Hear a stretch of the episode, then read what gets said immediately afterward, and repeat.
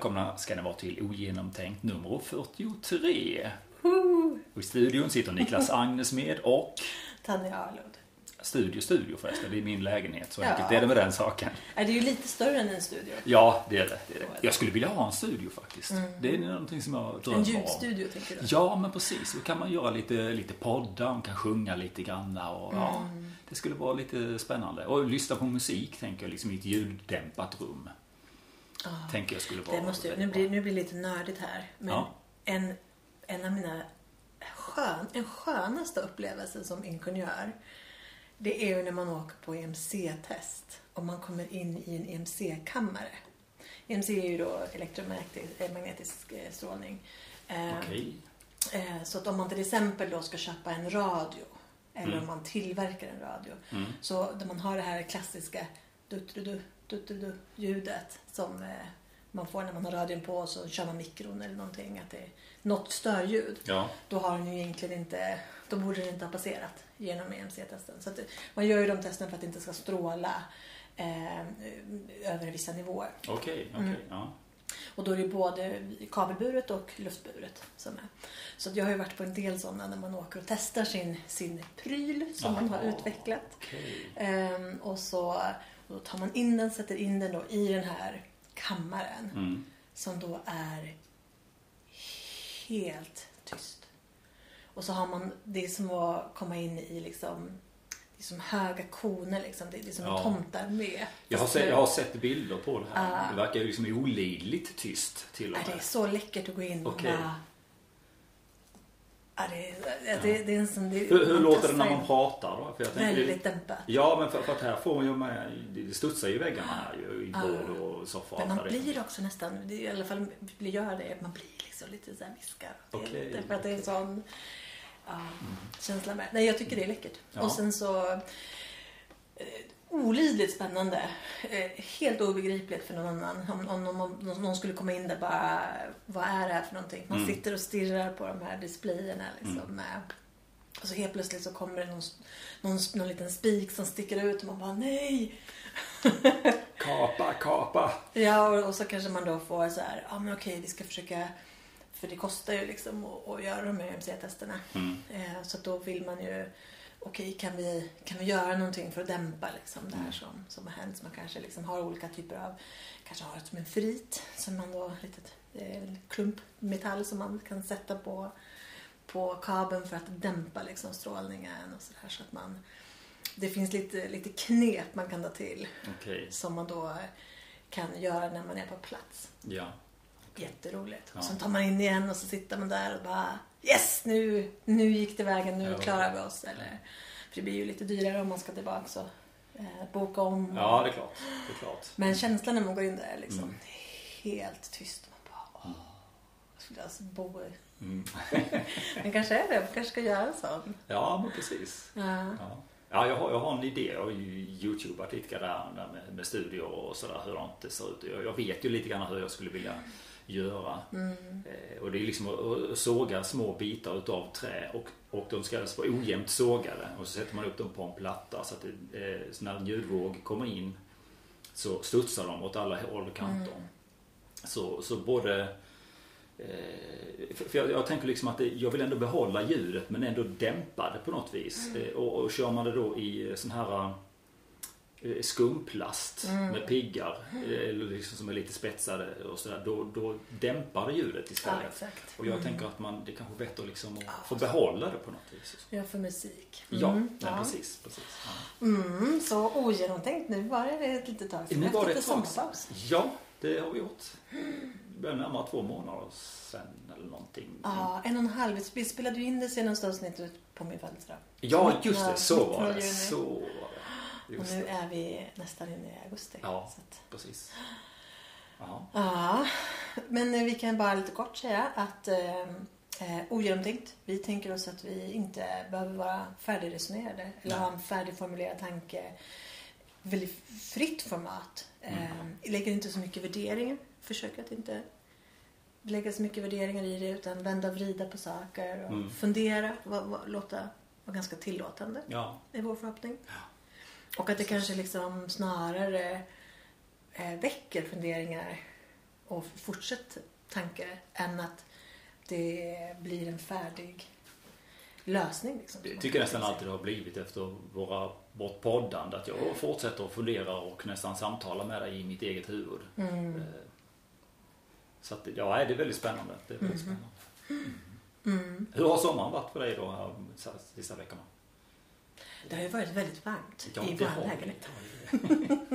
Men det har varit eh, skönt. Jag, jag uppskattar ju liksom att det är... Eh, jag tycker att det är lite fascinerande just eh, att det inte har varit så jättemycket prat om, om klimatförändringar i samband med den här värmen. Jag tycker för några år sedan när det var varmt så var det mycket så här, "Mm, det här är ett exempel på att vi har klimatförändringar. Och jag Ja. upplever inte att diskussionen har varit så mycket. Nej, kanske inte här i Sverige. Men jag tänkte på det som skedde i Tyskland och Belgien här Mm. med ösregnet och sådär. Var det inte lite kring det i alla fall? Att man förde den diskussionen? Ja. kanske.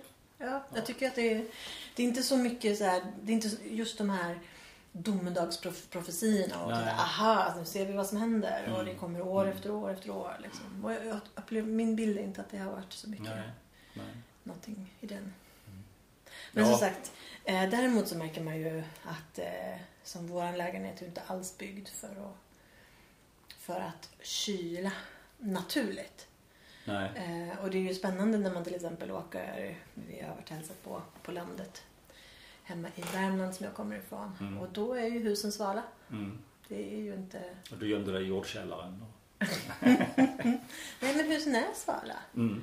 Det är, man kommer in och det är nästan så här, alltid varit så. Okej. Eh, Där med. Medan då, vi brottas ju med nästan 30 grader liksom i lägenheten. Mm. Mm. Jo, det känner jag ju i den här lägenheten också. Just att eh, väggarna vetter söder och Mm. västerut. Eh, och samlar på sig väldigt mycket värme under dagarna. Så det, ja, det- är en jämn temperatur kan man säga. Mm. Hög och jämn temperatur i lägenheten. Så att jag har haft fläktarna framme här och, och skapat tvärdrag med dem. Mm. Så gott det har gått. Men annars har jag nog tagit det ganska... Det har varit en ganska lugn sommar. Inte, så mycket, inte rest någonting. Ehm, Nej. Jag gillar ju att kunna resa utomlands på semestern. Och Mm. I år har det inte varit så. Nej. Och det har också varit lite medvetet. Jag har inte velat ehm, åka när det fortfarande är så coronaaktuellt eller covidaktuellt. Nej. Nej. För jag tycker inte att det skulle vara så roligt att behöva man, man testar positivt och så ska man sitta i karantän och Mm. ja, Mm. eller bara hantera det på plats och så blir det någonting som, som inte är så... Nej, men precis. Ja, resande inte. har ju varit inomlands, precis som du då. då. Så jag har varit ner till Skåne och jag har praktiserat på Lunds kommun som mättekniker. Det har varit vansinnigt kul, men där var det hets som bara den. Och det var vid ett tillfälle där fick jag liksom avbryta eh, själva mätningen för att springa och eh, köpa vatten. Jag hade redan druckit upp det jag hade så att eh, det behövdes påfyllning där. Och så fick jag tvinga mina kollegor att dricka lite vatten också. Mm. De var lite mer vana verkade det som. Så att de, de drack alldeles så mycket. Så, men jag tyckte att nej, men nu får ni skärpa er. Få uppfostra sina kollegor. Blivande. ja. Mhm. Jaha. Har vi något att prata om idag då? Jag har några sommarspaningar Ja, sommarspan. Det låter väldigt eh, det är inte, så- inte, spännande. kanske mer till saker som jag har tänkt på under sommaren än Ja. att det är så somrigt. Mm. Men jag tänkte, så jag kan börja lite. Ja, men det kan du få göra. Ja, så får vi se vad... Och så tänker jag att, för det är, inte, det är inget djup här nu utan det är lite no, eh, observationer och lite små tankar. Så får du gärna så här, se om det är någonting som du kan känna igen kanske. Mm, mm, Eh, men någonting som jag har reagerat över. mm. Det är mycket gamla bilar ute. Har du tänkt på det? Ja, jag har eh, varit och tittat på en sån här raggarrunda. Det var Mm. våldsamt mycket bilar. Vissa hade ju knappt något avgassystem överhuvudtaget så att det luktade förfärligt. Urusel förbränning kan man väl säga. Men det är ju en sorts bil. Mm. Eh, de här gamla fina liksom. Ja. Mm. Men jag tänker också på gamla Volvo 740 och liksom Ja. bara, bara äldre bilar Mm. som man är så här. Eh, hur, när kom de här fram liksom? Mm. Eh, det, det, jag, min bild är ju att det, har, att det är mycket, ja, mycket gamla bilar ute och, och kör. Som Okej, jag tycker ja. att, att så här brukar liksom inte riktigt bilparken som är i omlopp se ut. Nej. Utan att det brukar vara mer eh, det brukar vara nyare åt de här gamla skrällerna. De, ser man inte ofta liksom. Men nu tycker jag att man ser väldigt mycket då äldre bilar. Typiskt liksom så här kanske från 90-tal liksom. Mm. Och då funderar jag ju lite på vad det skulle kunna... Du känner inte riktigt igen där? Ja men alltså nu när du säger det så. Ja. Jag har nog en liten tanke i så fall om vad, vad som skulle kunna ske. där. Ja. För, för det har varit en sån liten, ytterst liten tanke hos mig att det har blivit väldigt komplicerat nu för tiden att tanka bilar. Skulle det kunna vara någon slags revolt till att komma tillbaka till bensinen? Jag det, är ju, ja, det är ju en intressant. För jag funderar också lite om det är, och, och, och lite angränsande liksom att, att man kanske inte riktigt känner sig redo för att köpa en elbil. Nej. Och att det är lite dyrt och det känns liksom så här. Men, Ja men inte bara elbil, för, för det finns ju olika typer av eh, bränslen också. Någon här specialdiesel. För jag vet just Lunds kommun, de hade flera olika varianter där det var eh, bensin i kombination med el som man var tvungen att ha bensin och sen var det bara elbil och sen fanns det en med sån här specialdiesel. Det var, jag tänkte men eh, ska man, hur mycket ska man hålla reda på? ja. Det, är- det är liksom ingen enkelhet. Här Bara nu senast, var det idag eller var det igår, där jag läste att, eh, att eh, nya bensinen skulle innehålla 10% etanol och det var inte alla bilar som klarade av det. Mhm. Och sen så, ja, dyrare bensin och dyrare diesel. Och det tänker jag också, dieseln som tidigare var liksom miljöbränslet har inte miljövänligt idag. Nej men vilket är också spännande för det finns ju olika sorters diesel. Jaha, det kanske det också gör ja. ja varför inte? Ja, ja, och det här, nu, det här kan ju inte jag supermycket om. Men man har väl tagit fram mycket diesel från, från skogsindustrin. Som man sett som bra. Nu ser det ut som ett frågetecken. Ja men skogsindustrin, ja men då är det metanol. Ja, Nej.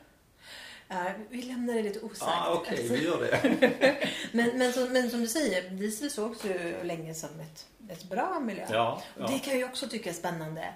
Jag, jag, är ju, jag har ju själv inte bil. Nej, inte Men jag, jag följer ju lite, jag tycker att det är intressant att se här nu. För det är inte första gången som man, man tänker sig att det, nu har vi ett miljöalternativ som kommer att revolutionera bilparken. Mm. Det har varit etanol och det har varit metanol och... Eh, eller har det varit metanol? Ja, etanol. Jag, jag vet Etanol- att, att man vill, eh, för, för Värmland har ju, det finns ju någonting, Värmlandsbolaget heter det inte. Om man googlar... Med Billerud? Jo? Youtubern eh, Björn Gillberg, Värmlands etanol, metanol heter, heter hans kanal förresten. Okej. Som jag Mm. faktiskt kan rekommendera som en, en riktig miljömupp. Men, men en person som jag verkligen lyssnar på. Eh, och som är väl insatt i, i miljöproblematiken och att allting är kanske inte så himla miljövänligt som man i, i första hand tror. Liksom. Jag menar, bara Ja, som det är ju Teslan. komplext. Det är ju han jättekomplext. Ja. Teslan har han räknat på till exempel att, att den inledningsvis kostar ju fruktansvärt mycket koldioxid att bygga och så håller den ungefär lika långt som, som en vanlig bil. Så summan blir ungefär lika med, ja, med en vanlig bil helt enkelt. Eh, Och en vanlig bil kostar mindre i, i början men Mm. producerar mer koldioxid under, under resans gång. Men summan är ungefär detsamma, Mm. kommer han fram till i alla fall. Så, eh, så det tycker jag var intressant. Men han, han är, eh, eh, förestår ju metanolen då.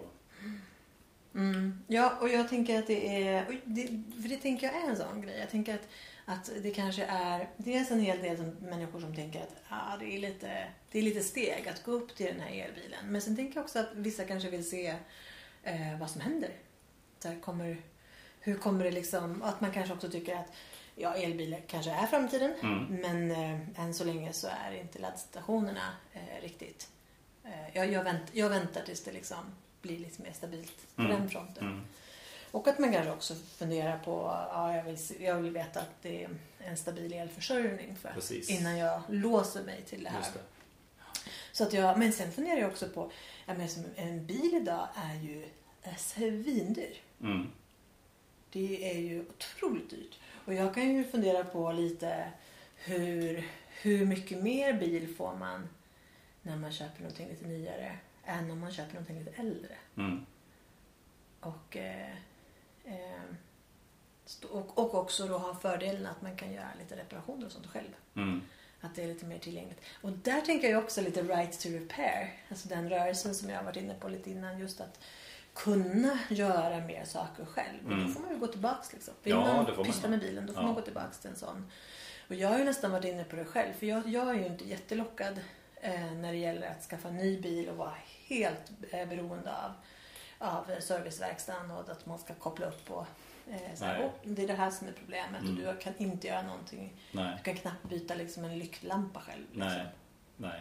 Eh, det tilltalar inte mig riktigt. Jag gillar ju lite kontroll. Mm. Kunna, kunna gå in och pysta lite Mm. och, och sköta den. Jag menar bara som sån sak som att de här enkla underhållet med att byta olja, luftfilter, ett tändstift, liksom allting sånt och veta hur den, vad som händer Mm. och hur den funkar och var saker sitter Mm. och sådär.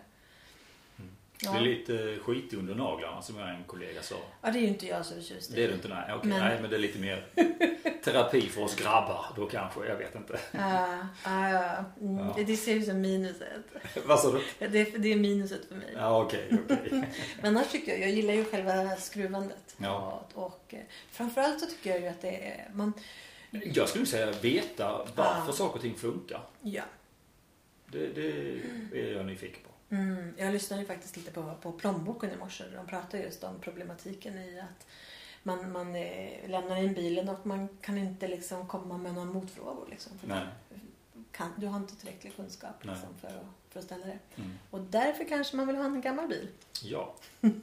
Så det är därför kanske att de eh, befinner sig ute nu och eh, Ja, är spaning då också att den kommer att öka i antal här. Jag vet, nej, jag skulle inte. Jag, det är nog bara ett iakttagande Ja. så här långt. Mm. Så får man väl se vad som... För jag tänker mig också att det kan vara lite sommareffekt. Att man vill ha en bil över sommaren. Mm. Och då plockar man ut något. Då, den grejen tänker jag i alla fall. Jag är ganska nära till hands. Att du, du, ska, du köper någonting som är besiktigat. Du kör ett par månader och sen Mm. kan du liksom nästan skrota den. Liksom, Mm, för att mm. den inte... Eller se om du kan sälja den. Mm. Mm. Mm. Så det var min första. Mm.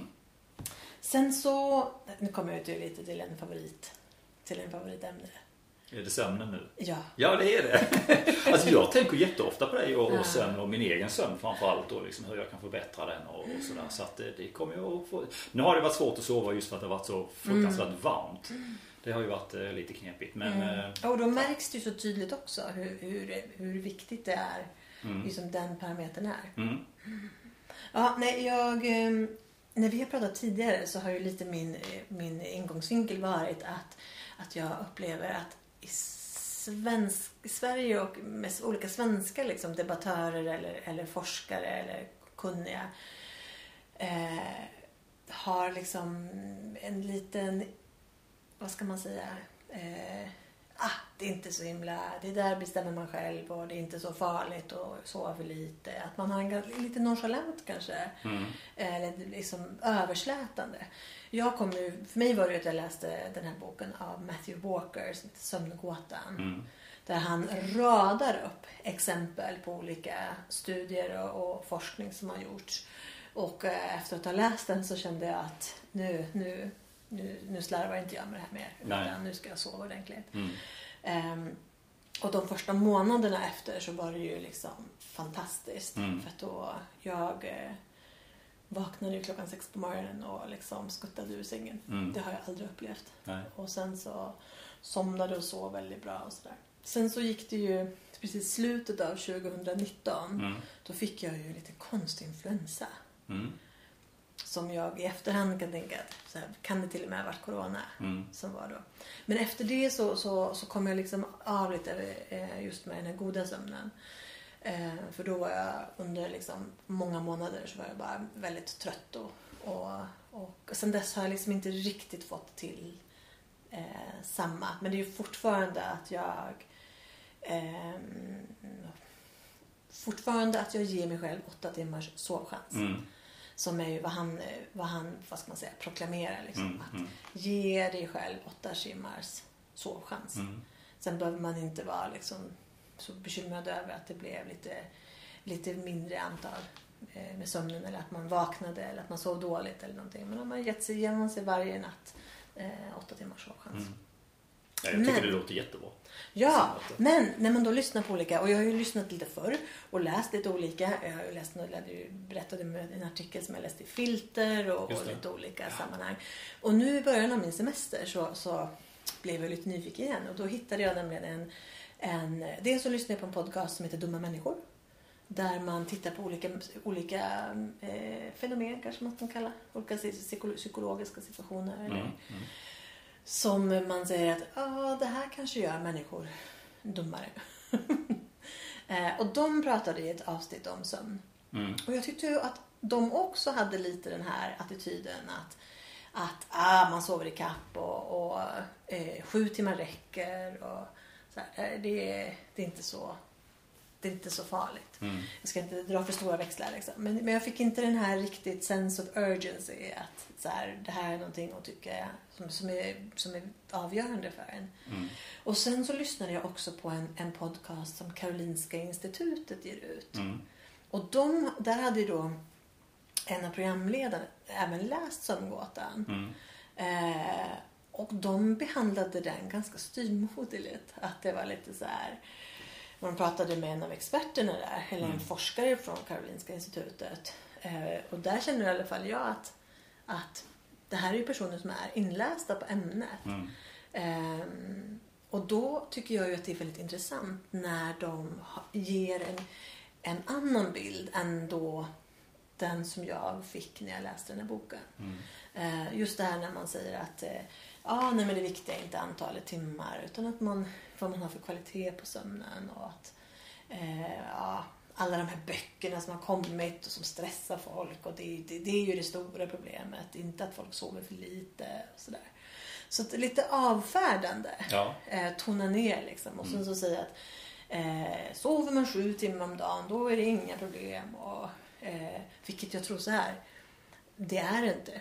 Sover man sju timmar om dagen så får man inga större hälsoproblem. Det är väl när man börjar sova färre än sju timmar. Mm. Eh, och sen beror det ju på hur, vad man själv har för behov eh, eh, när det gäller det. Mm. Så jag har ju gått tillbaka också och lyssnat lite på, på Matthew Walker som har skrivit den här boken. Och det är, det är så otroligt fascinerande att sitta och lyssna på honom. Det finns ju då, eh, bland annat på Spotify så finns det ju ett antal olika intervjuer, olika podcasts han har gjort med honom. En där de sitter och pratar i tre timmar Mm. och, och bara diskuterar.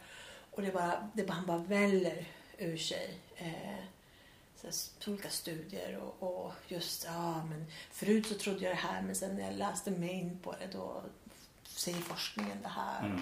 Och så otroligt mycket intressanta eh, intressanta saker som han då beskriver. En sak som jag tyckte var intressant just angående det här med kvalitet på Mm. sömn. Att det är eh, det är inte kvantiteten som är avgörande utan kvaliteten. Mm. Eh, och jag argumenterar inte mot det på något sätt. Men då pratar man gärna om djupsömn. Mm. Eh, att eh, början av natten så, så är djupsömn liksom den, den, eh, den sömnfas som tar mest plats. Och sen i slutet av sömnen så är det mer REM-sömn. Mm.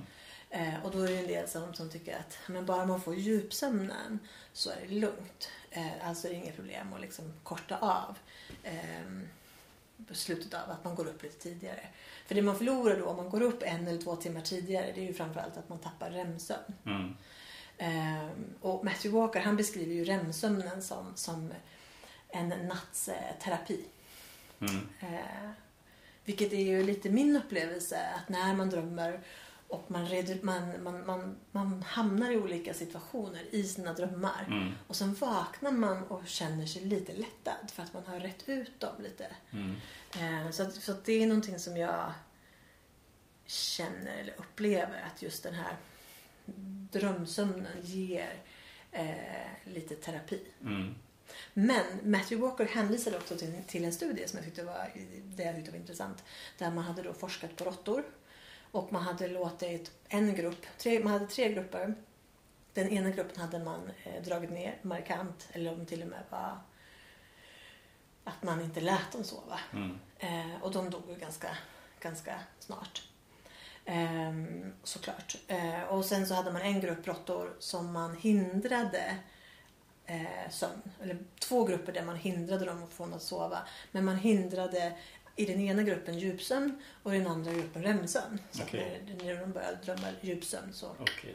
väckte de liksom dem. Så att de, de, den ena gruppen fick inget, inte djupsömn och den andra fick inte REM-sömn. Mm. Och det de upptäckte då var att ehm, de här eh, råttorna med som fick REM-sömn, de, de levde längre än de som inte fick eh, djupsömn. Mm.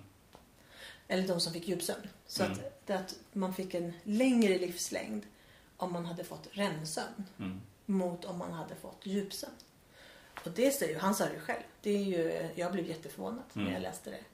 För att jag hade förväntat mig tvärtom. Mm. Att det var djupsömnen som skulle ge längre livslängd. Mm. Ja, det skulle jag också tänkt på rent spontant. Och sådär. Jag börjar fundera här, är de här sömn, olika sömnerna eh, kopplade till olika delar av kroppen? Tänk den här djupsömnen, har det med den fysiska kroppen att göra? Har REM-sömnen med psykologin att göra? Får mig att fundera Mm. på i alla fall. Ja, och ja, men det är ju, det är ju ändå så. Och det pratar man ju också liksom i olika sammanhang. För det är ju ändå att första halvan av natten, man kan ju ändå tänka sig att rimligtvis så, det, det låter ju rimligt att man prioriterar den, den viktigaste funktionen först. Mm. Eh, och eftersom att då första halvan av, av, av sömnen mest är djupsömn så borde den vara, anses vara väldigt viktig. Och REM-sömnen var liksom lite glasyr på kakan. Mm. Eh, och, och kanske är liksom det viktiga att man, att man får. Att man hindrar man liksom eh, REM-sömnen så man får väldigt lite. Att det, att det är då det blir en negativ effekt. Mm. Men det är ju jättespännande om man tänker sig med depressioner och liksom olika mentala problem. Mm. Med att man då... Eh, bara, bara det här att ha, ha en ljus syn på livet. Mm. Eh, och jag tänker lite på just det här 5, 5 am club. Mm. Om man då skippar en timme Mm. eh, på natten. Då är det ju sannolikt REM-sömnen som stryker. Mm. Och att den sömnen kanske hade gjort det här för, att, för den mentala hälsan. Mm. Så tillvida att man inte går och lägger sig en timme tidigare. Exakt. Mm. Ja, exakt. Ja, men det jag tyckte var lite intressant för att jag, jag tyckte ju då, här i början av sommaren att ha, nu har vi ytterligare exempel här på att eh, eh, man tonar ner det lite.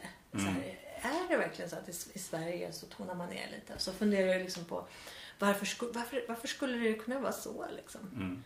Eh, och sen funderar jag på om det helt enkelt är att man inte man vill inte vara den präktiga rösten. Mm.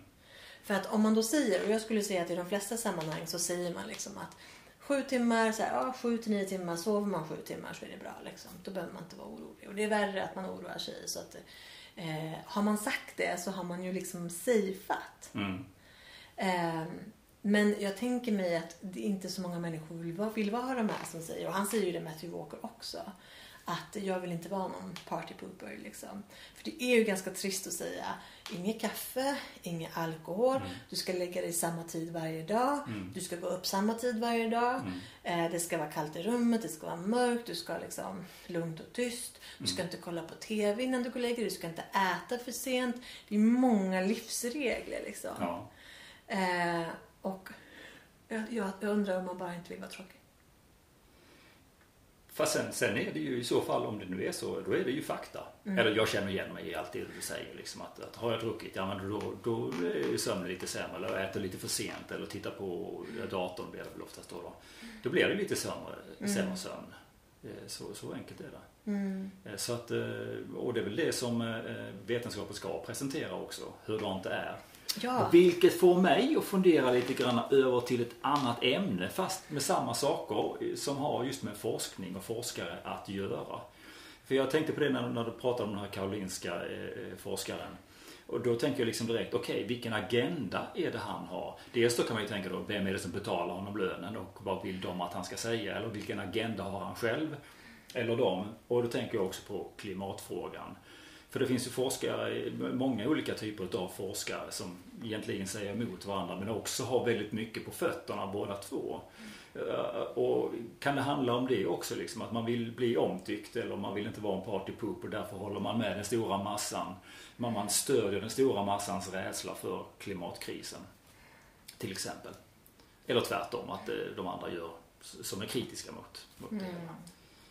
Eh, Så då börjar jag fundera lite grann ut- utifrån det perspektivet. Så. Men det låter ju annars som eh, han Walker eh, verkligen tar till sig de här rapporterna som han läser också och förändrar sin åsikt om, om det skulle Ja, vara så att han... och det är det som jag tycker är intressant för att jag, jag tänker mig ju att när de liksom, när du har olika debattörer som, som på något sätt ska för, eller som säger så här, han överdriver. Då vill jag höra, på vilket sätt då? Mm. Vad är det som överdrivs? Ja. Ehm, att man till exempel så här, ja men de här sakerna som man gör, eh, ja det blir inte så. Du, du, du får liksom 5% eh, förbättring av att du har sovit en timme mer. Liksom. Mm. Eh, eller så här, det, det handlar om eh, otroligt eh, små grupper liksom, här, som skulle se. Det, det, är inte, här, det blir inte signifikant. Han har pekat på någonting som är, ja här ser man en, en, en skillnad, men den är inte signifikant. Att man skulle liksom lägga lite tid på att, så här, varför är det inte så? Varför behöver jag inte ta det han säger på allvar? Mm. För det är väldigt svårt när man sitter liksom och bara man staplar liksom fakta, alltså de här, den här forskningen säger det, den här studien visade det. Och sen säger att, och sen säger de bara, det är inte så, så här, det, det, det där behöver man inte lyssna så mycket på. Jag vill ju ha lite mer Mm. på fötterna Mm. där. Eh, men sen kommer det då senaste avsnittet av Kropp och själ Mm. eh, har då ett avsnitt som heter, eller heter avsnittet Trimma sömnen. Okej. Och då de med eh, ett par forskare, svenska forskare, som helt plötsligt nu säger det är viktigt, eh, du behöver sova så här mycket, det där låter väl för lite, eh, man kan inte sova för mycket. Eh, sover man, har man väldigt stort sömnbehov då är det nog snarare så att man sover mycket för att man kanske inte är frisk. Mm. Eh, snarare än att man liksom sover för mycket. Liksom. Mm, mm. Utan, men, och, och det handlar kanske inte om hur många timmar du sover. Utan så här, känner du dig pigg när du vaknar? Mm. Ja, då har du ju sovit liksom. Mm. Den, då, så många timmar som du behöver. Men där de faktiskt pratade om... Eh, ja, de bröt från det här mönstret Mm. som jag upplevt. Okej. Så det tyckte jag var lite kul. Ja. Jag lyssnade, lyssnade på den och jag lyssnade på den ett varv till. Okej, okej. Jag tyckte det var så givande. Är det sant? Sa de verkligen så? Ja, jag ville vara med. Men de berättade ju också där att de hade med OS-landslaget så har de ju använt sömncoacher för att förbättra deras, deras eh, sömn. Ja, där är ju allting viktigt. Vad de tänker och så också. Alltså Ah. det är med mental träning och ja, det kan jag verkligen tänka mig. Det är verkligen en, en eh, superoptimering av hela människan. Japp. Ja, och det var roligt för det var, de pratade med en kille, en kanotist, som sa det att han hade med sig nu ett, ett sovkit. Där han alltså hade en madrass, täcke, kudde. eh, Nall... eh, Nej. Han hade eh, så att det skulle likna hemmet. Ja. Så att det skulle vara samma känsla. Åh, han jobbar med doft. betingningar kallas det Ja, här. för att, ja, för att, och det här skriver han om, han skriver om det här i Ja. Sömngåtan. Men just att, att när man sover, de första en till två nätterna på en ny plats. Mm. Så sover man dåligt Mm. för att hjärnan är på sin vakt. Liksom. Och många djur kan till exempel ha, eller många djur, men vissa djur, valar och, och olika fåglar och så här. De kan hålla ena hjärnhalvan vaken medan den andra sover. Mm. Så kan de skifta mellan liksom för att få Det skulle vara praktiskt. Jag gillar ju så ordentligt. Så att... Ja, okej. Ja. Ja, nej, men det tyckte jag var kul. Så att det, där har man, om man, om man eh, vill ha då eh, kanske en lite mer eh, kanske en lite mindre eh, positiv eller min, mindre överslätande så Mm. är ju den då, kom den där. Mm. Så jag funderar på det. Då kanske det är så att man, det har vänt lite där. Ja. Mm. Mm.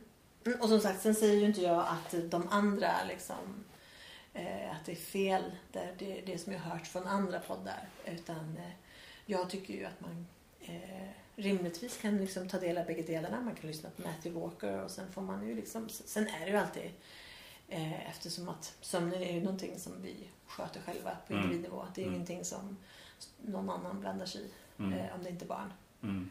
Eh, Ja, precis. Ja, så att där är det ju faktiskt. Man, man tar sina egna beslut Ja. efter vad som är rimligt. Eller gör som coacherna säger. Gör det som funkar. Mm. Funkar det inte, gör något annat. Nej men det är ju jätteintressant bara en sån sak att om du kommer onykter till jobbet Mm. då kommer du bli hemskickad och kanske eventuellt avskedad. Mm. Men trött kan du vara på jobbet. Mm. Då kommer du kanske dessutom få sympatier. Ja, det kan ju vara så. Men det skulle inte vara eh, svårt att tänka mig jag tror, till och med att, jag tror till och med att folk skulle bli förolämpade om chefen kom och sa att du det där går inte, nu skärper du till dig och lägger dig tidigt ikväll. Mm, mm. Det tror jag. Men det skulle vara väldigt kul. För visst skulle man kunna tänka sig att det är jobb som behöver eh, total uppmärksamhet. Ja. Kirurgen behöver ju i alla fall ha det. Hjärnkirurgen åtminstone. Ja, han pratar också liksom i, i den här med, på, i kropp och själ. Fick jag det var jätteroligt att höra. För han sa det att ja, det är klart att du kan sova liksom jättefå timmar och sen kan du hålla dig alert under dagen genom att du dricker kaffe, du har stress, det är mycket ljus. Mm. Det, är som, det finns liksom olika stressorer som Mm. gör att du håller dig vaken och som gör att du känner att eh, jag klarar mig bra på sex timmar eller Mm. färre. Liksom. Men eh, han, sen sa han att men det hjälper ju inte ditt immunförsvar. Nej, Eh, det finns konsekvenser. Alltså. Ja. Mm. ja, nej, jätte, jag tyckte det var jätteroligt. Ja. Mm. ja, men det var ett bra tips. Ska jag ta och lyssna på. Ja. Mm. Ehm, sen blir det en liten tillbakablick här nu. Ja, Vi pratade ju i, eller, och det, det var nog mycket jag som pratade om för det här tycker jag är ett ämne som är roligt. Mm. Men vi pratade i ogenomtänkt nummer 12, så det är ett tag sedan. ja det var ett tag sedan. Ja, jag inte, så, ja, inte så långt i tid tror jag, men, men eh, långt i, vi har ju kört ett antal avsnitt Ja, ja, Men då pratade vi om HBTQ och eh, krav. ja. Om man skulle se det utifrån olika intressenter i HBTQ-rörelsen och vad har de för krav och står de emot varandra eller, eller hur går de ihop? Liksom? Mm, mm. Och krav, jag använder ordet krav. Jag vet att du gillar att använda kanske ordet Ja, önskemål. önskemål eller behov. Fast nu när jag hör dig säga krav, då vet jag vad du menar. Så ah. det blir liksom inget problem så. Nej men jag tycker att, Det, men det, det tycker är det om man, om man upplever ordet krav som, som ett tvång eller Ja. du måste göra det här. Då, då, då vill vi oftast inte. Det är ju det vi pratar inom NPCn om. Mm. Men, men eh, jag hör ju liksom vad du säger. Så att, Vi påminner lyssnarna bara då. ja, Att vi, vad var våra definitioner? ja precis. Eh, jo men då pratade vi bland annat om, om transpersoner Mm. och eh, transpersoner inom sport. Just Där det då är det, där handlar det ju liksom om, om grundfrågan är att ska transpersoner få tävla i, i det nya könet? mm. Ehm, och det är ju inte ett problem för kvinnor som har bytt kön till män. Ehm, det är inte ett problem för, för männen i alla fall. Men som bytt till Men män som byter till kvinnor däremot, där konkurrerar ju de ehm, på, på ett biologiskt plan Ja, ja. med det. kvinnor. Så att kvinnor som har bytt till, till att bli man, Mm. eh, där, jag vet inte om det till och med är så att de inte får tävla för att de tar testosteron. Och att det då räknas som doping. Så att det kan bli ett problem. Ja, ja okej. okej. Eh, men män som byter kön till kvinna, Mm. då, pressar de, eh, då måste de ju ta eh, och pressa ner sina, sitt testosteron. Mm. Och inom, inom, eh, för reglerna för, och det här tycker jag är jätteintressant, för det här är ju en fråga som går långt tillbaks i tiden. Eh, Just att eh, könsbestämma kvinnor Mm. eh, för att få tävla i damklassen. Och förr så, förr det, det, är ju som, det initiala var ju bara att man fick liksom lyfta på kjolen Mm. Eh, och göra en okulär besiktning Mm. av att det såg ut som det skulle. Mm. Ehm, och sen så har man väl då, drar inte liksom hela för att jag är inte så inläst på det. Men man har ju också kollat på kromosomer. Att det ska vara X och Y-kromosomer. Mm. Eh, och jag tror att det som gäller idag är att man ska ha te- testosteronnivåerna i kroppen måste ligga under en viss nivå. Och det är det som är, man då anser som avgörande. Okej. Eh, och därför så kommer nu också, det, det, pågår ju OS eh, just nu. Mm. Så i år eh, är ju då första gången som transpersoner får tävla. Mm. Eh, så män som har bytt kön till kvinnor får tävla bland kvinnor. Och det Mm. är, jag har hört att det är, att det är fyra personer. Men det är inte, jag, jag har inte riktigt sett alla. Och den som är, det finns en person då som är, som är lite mer känd än de andra. Och det är Mm. ändå en, eh, en transkvinna som tävlar inom styrkelyftning. Det har jag hört talas om. Mm. Och det har ju också blivit väldigt uppmärksam. Det är inte så uppmärksammat i Sverige skulle jag säga. Det har inte Nej, pratats spec- Inte på det sättet kanske, men jag har hört talas om det. Har väl egentligen slagit ett rekord också, va? eller? Det kan hända. Det vore ju inte jättemärkligt. Det är ju då en person som, som har bytt Eh, personen är ju i 40-årsåldern och Mm. bytte från man till kvinna eh, vid, då, vid typ 34 års ålder. Mm. Och som då hållit på med styrkelyft även som i sitt liv som man. Mm. Så att han har ju, eller hon har ju då som sagt såklart byggt upp en, en ansenlig muskelmassa. Mm. Haft en viss. Så där pågår det ju eh, vissa diskussioner. Kanske inte så mycket i Sverige men på lite andra håll i, i världen. Vart är, det, vart är det på väg? Mm. Men jag tycker det är jätteintressant. Vi pratade lite om det precis innan och vi pratade om det när vi pratade om i det här ämnet i podden också. För någonstans handlar det ju om prioritering och diskriminering. Mm. Eh, att man eh, i det här fallet så blir det ju en, verkligen en fråga. Ska eh, transpersonernas rättigheter prioriteras? Eh, med risk då för att biologiska kvinnor diskrimineras Mm. på grund av att de har vissa biologiska fördelar av Mm. att vara född som man. Eller ska kvinnorna prioriteras, de biologiskt födda kvinnorna eh, prioriteras för att skydda liksom damklassen. Mm. Så vi får se. Vi får se hur det går där. Ja. Precis. Eh, För jag var väl inne på, var jag inne på någonting där? Jag tror att du pratade lite om... om eh, eh, Handikappsystem. Ja. Ja, precis. Jag tänker bara in- inom golfen har man ju handikappsystem. När man eh, olika typer av segelbåtar tävlar Ja. mot varandra så har man ju lystal som, som är en form av ett handikappsystem där. Eh, Och då, eh, det, det är ju egentligen ganska intressant för att då är det helt plötsligt psykologin bakom, som att sova bra Mm. till exempel, Mm. som kommer att göra eh, avgörandet. Ja, men- och då, men då hamnar man ju lite i det här. Borde vi inte bara ha en enda klass då? Ja men precis, det skulle jag också Att det kunna. bara finns en enda klass och Ja. det är den som... Mm. Eh, eh, och där tävlar alla liksom.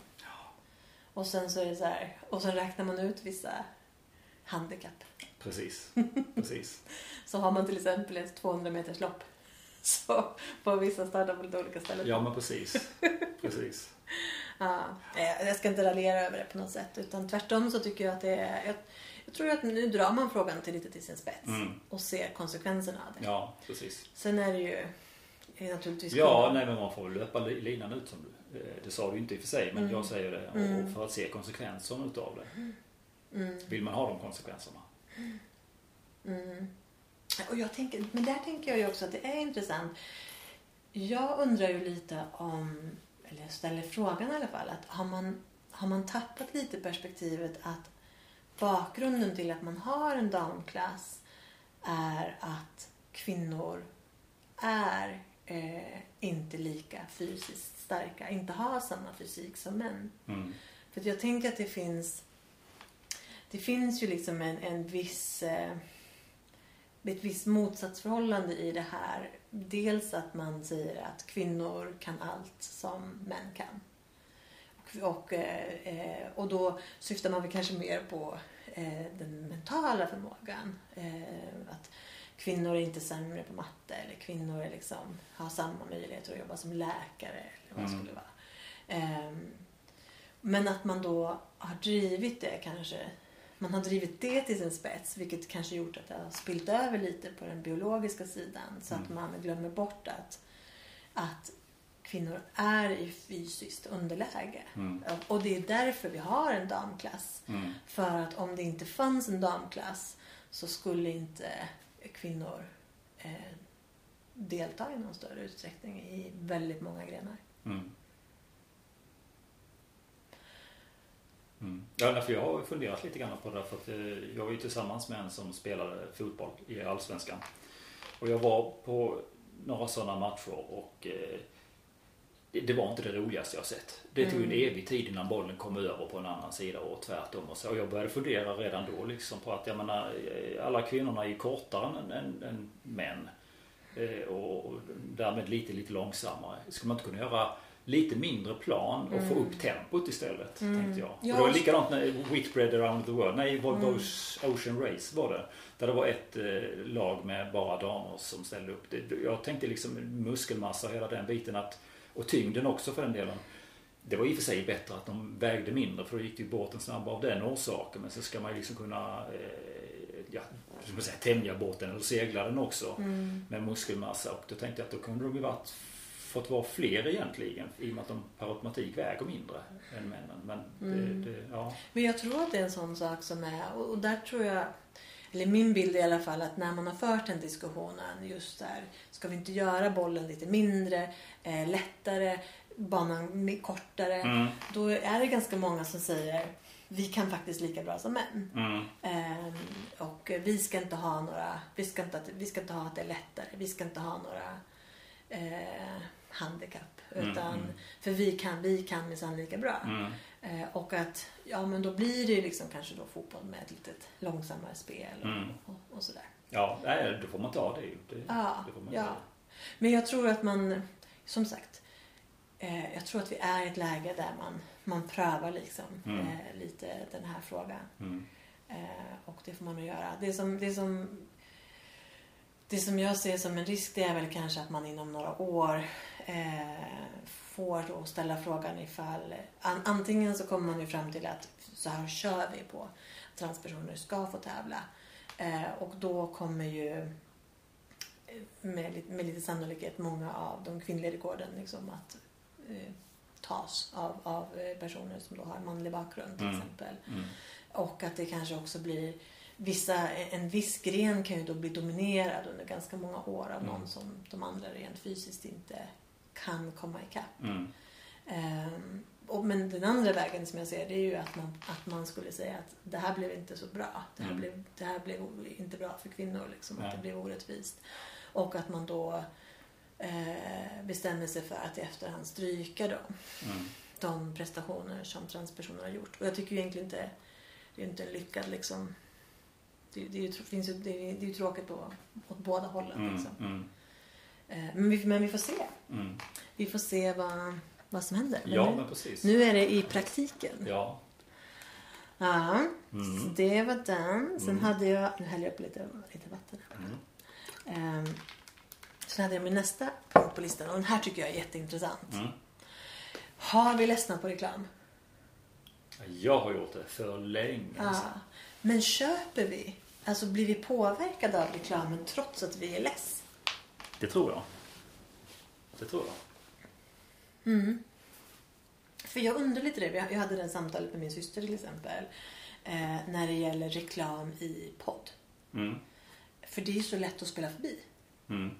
Om jag till exempel är ute och promenerar och lyssnar på en podd och så poppar upp en reklam. Det första är ju irriterande för att det är lite en annan ljudnivå. Ja. Det är ju det mest irriterande. Det är det mest irriterande. Och sen är de så himla långa. Ehm, om, det, om det bara var så att man, eh, att man sa eh, att ehm, så här, Ät på den här restaurangen, här är det gott. då, då tänker jag att man bara okej. Och sen går man vidare liksom. Och jag tänker mig att det är det som är, för jag har alltid upplevt att, att eh, reklam som är i tidningar, typ inredningsmagasin och modemagasin och sådär. Jag har inga problem med att var och varannan sida är reklam. Nej. Det stör mig inte överhuvudtaget. Tvärtom så kan jag ju liksom stanna upp och titta på ah, den där möbeln var jättefin. Mm, Eller den där mm. tröjan eller vad det nu kan vara. Mm. Det funkar kanon. Eh, så tillvida att jag inte stör mig på reklamen. Sen om hur mycket det påverkar med inköpet kan jag liksom inte riktigt svara på. Nej. Men, men det är en reklam eh, som, jag, som jag tycker funkar. En reklamväg liksom. Mm.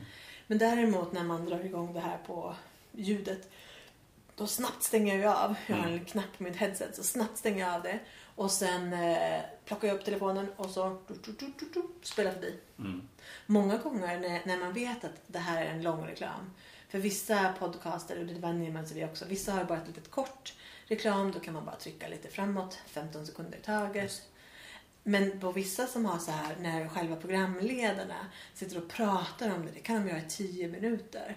Och då brukar jag bara pff, spela, alltså jag brukar bara spela fram godtyckligt 8-10 minuter. Mm. Och sen hoppar jag in i samtalet. Så då missar man ju dessutom en del av, av podden. Mm. Eh, men jag tycker inte att det funkar. Nej.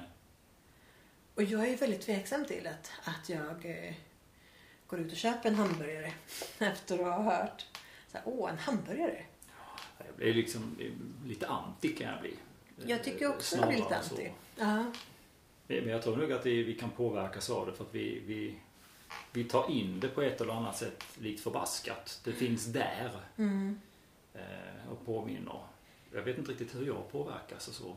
Jag är inte riktigt medveten om. Jag bara, bara tänker liksom utifrån vad, vad vi ser för någonting. Eh, och hur vi påverkas av det. Jag kan tänka liksom, om vi tar, tar Youtube-layouten, hur den ser ut. En liten, eller jag har det på min i alla fall. Man kan ju ställa om det där lite grann. Eh, ett litet hörn. Under kommer eh, information och sen kommer kommentarer. Mm. Och bredvid på höger sida så har jag en himla massa förslag. Och en reklam högst upp till höger tror jag också har. och det är en väldigt råddig bild. Mm. Hur, hur jag känner att jag påverkas av det, att jag blir lite stressad utav den. Trycker jag sen på knappen så att den förstoras till en enda eh, ruta så att säga. Då får, har jag en annan upplevelse av mm. det. Och det här är lite som jag känner när jag kollar på LinkedIn. Jag går in, jag, ja just det, jag för den är ganska... på LinkedIn. Nej, den är lite rörig. Jag känner ju bara att jag loggar in så är det så här, att jag tycker att det är stressande. Ja. Det är som, som poppar upp och det kommer små notifieringar. Ja. Och sen är det väggen och det är meddelanden. Och... Ja, precis. Precis. Ja, och man har fått massa olika, det, det är så olika status på meddelanden också. Man har fått från någon som man jobbade med för länge sedan, något meddelande. Och så har man fått något från, från LinkedIn-redaktionen. Eller, mm. ja, det, är, väldigt stökigt. Mm. Ja, Vilket gör att jag drar mig. Jag, där känner jag verkligen att det, det gör att jag drar mig från att använda den tjänsten. Mm. Eh, och jag tänker mig att om, man skulle, om jag skulle gå tillbaks och göra ett kontoutdrag och titta liksom hur har jag spenderat mina pengar. Mm så har jag svårt att se att det skulle vara någon jättekoppling till, till olika... Eh, att alltså det skulle gå att se så här. Åh, just det, det var den här. Här har jag lyssnat på, på den här reklamen. Mm. Och jag blev så himla sugen på den här läsken för att den... Mm. Men det kanske snarare är en annan generation. Att vi som är liksom 30 plus, vi har redan satt vårt, våra mönster. Mm. Så det man vill är att komma åt de, den yngre. Man bara... Vi kanske är mer medvetna om vad vi vill fokusera på. Ja. Vad vi är ute efter mer exakt. Eh, då kanske vi inte heller blir så lättstörda på saker och ting som sker runt omkring. Därför jag märker ju när man kollar på barn runt omkring. De kan ju bli helt till sig över typ Fanta eller Cola eller mm. liksom någonting. Mm. Eh, och, och, och där tror jag mer att man skulle se än, än att de har suttit och kollat på Youtube-klipp och mm. det kommer upp liksom någon sån Fanta-reklam. Mm. Ehm, och, och, att det triggar liksom. Men jag menar många av de här podcasterna till exempel som, som vi sitter och lyssnar på. Det är inte, det, då riktar man sig inte till barn överhuvudtaget utan Nej. det är ju 30 plus eller mm. ännu mm. äldre. Men som sagt, jag, jag, är nyfiken på hur, hur väl det funkar. Det finns säkert uh statistik på det? Ja, de lev, företagen lär säkert ha det. Jag tänker på vissa saker som till exempel influencers. Mm. Som har, de säljer ju saker med så här, använd den här rabattkoden. Ja, men precis. Och där får man ju en direkt feedback på hur väl det funkar. Precis. Um, just med säljet liksom. Mm. Uh, influencers, bara där tycker jag det är ju jättespännande hur det har utvecklats. Det är ju en stor industri nästan. Eller vad jag har förstått det som. Ja, ah, det är gigantiskt. Och, och där undrar jag också liksom var... Är det, är det rimligt liksom? Får, mm. får, får, får liksom företagen avkastning för det de spenderar på sina influencers? Jag tror inte att de skulle satsa på det om de inte fick det. Ja, fast eller också så är det ju att man har en viss, man har avsatt en viss peng till, en, till reklam. Liksom. Mm. Och man, man man måste nå ut på något sätt. Mm. Eh, eh, och att det är ett sätt att nå ut på. Men att det kanske blir, jag tänker mig att det bara blir svårare och svårare för företagen att nå ut. Så att du, du kanske spenderar liksom mer och mer pengar men det är inte säkert att du når ut eller får produkten såld på, mm. i någon större utsträckning för det. Nej. Jag bara tänker på den reklam som, som jag möter på Youtube då till exempel. Det är ju en sån här Oftast är det ju fem sekunder som den, mm. den tickar ner. Den är också spännande för det enda som händer då är att man bara... ja, jag fokuserar ju stenhårt på den så, så det är ju nästan en sport varje gång att klicka bort så fort som möjligt. Ja. Och, så. och då är det ändå reklam som jag egentligen är intresserad av. Men som jag gör i alla fall. Ja, det, för att det, det har blivit ett res... inlärt beteende. Ja, men precis. Det är ju den här res, resreklam. Och det gör jag ju i alla fall. Ja, nu reser jag inte så mycket då. då men, men eh, när det öppnar upp så kommer jag ju att göra det igen ju. Så det är jag ju intresserad av ändå så att det är lite bortkastad peng på mig som ändå ja, Mm. gör det. Mm. Ja, för det är också såklart när man har då reklam som är riktad Mm. beroende på vad du tittar på. Mm. Då gör du kanske inte så mycket nysälj. Och så får man veta hur gammal man är också med tanke på reklamen. Spotify, eh, var jag kan köpa potensmedel någonstans. Då vet man att då har man, blivit, då har man passerat 50 liksom. Uh, Jag tänkte, va? Vad gör det där? Liksom. uh, ja, det är roligt. Ja. Nej, men sen funderar jag också, för du har väl varit inne lite på neuroprogrammering? Ja. Ja. Och jag, jag tycker ju att de senaste månaderna när man lyssnar på politiker Mm. så undrar jag om det är det de håller på med.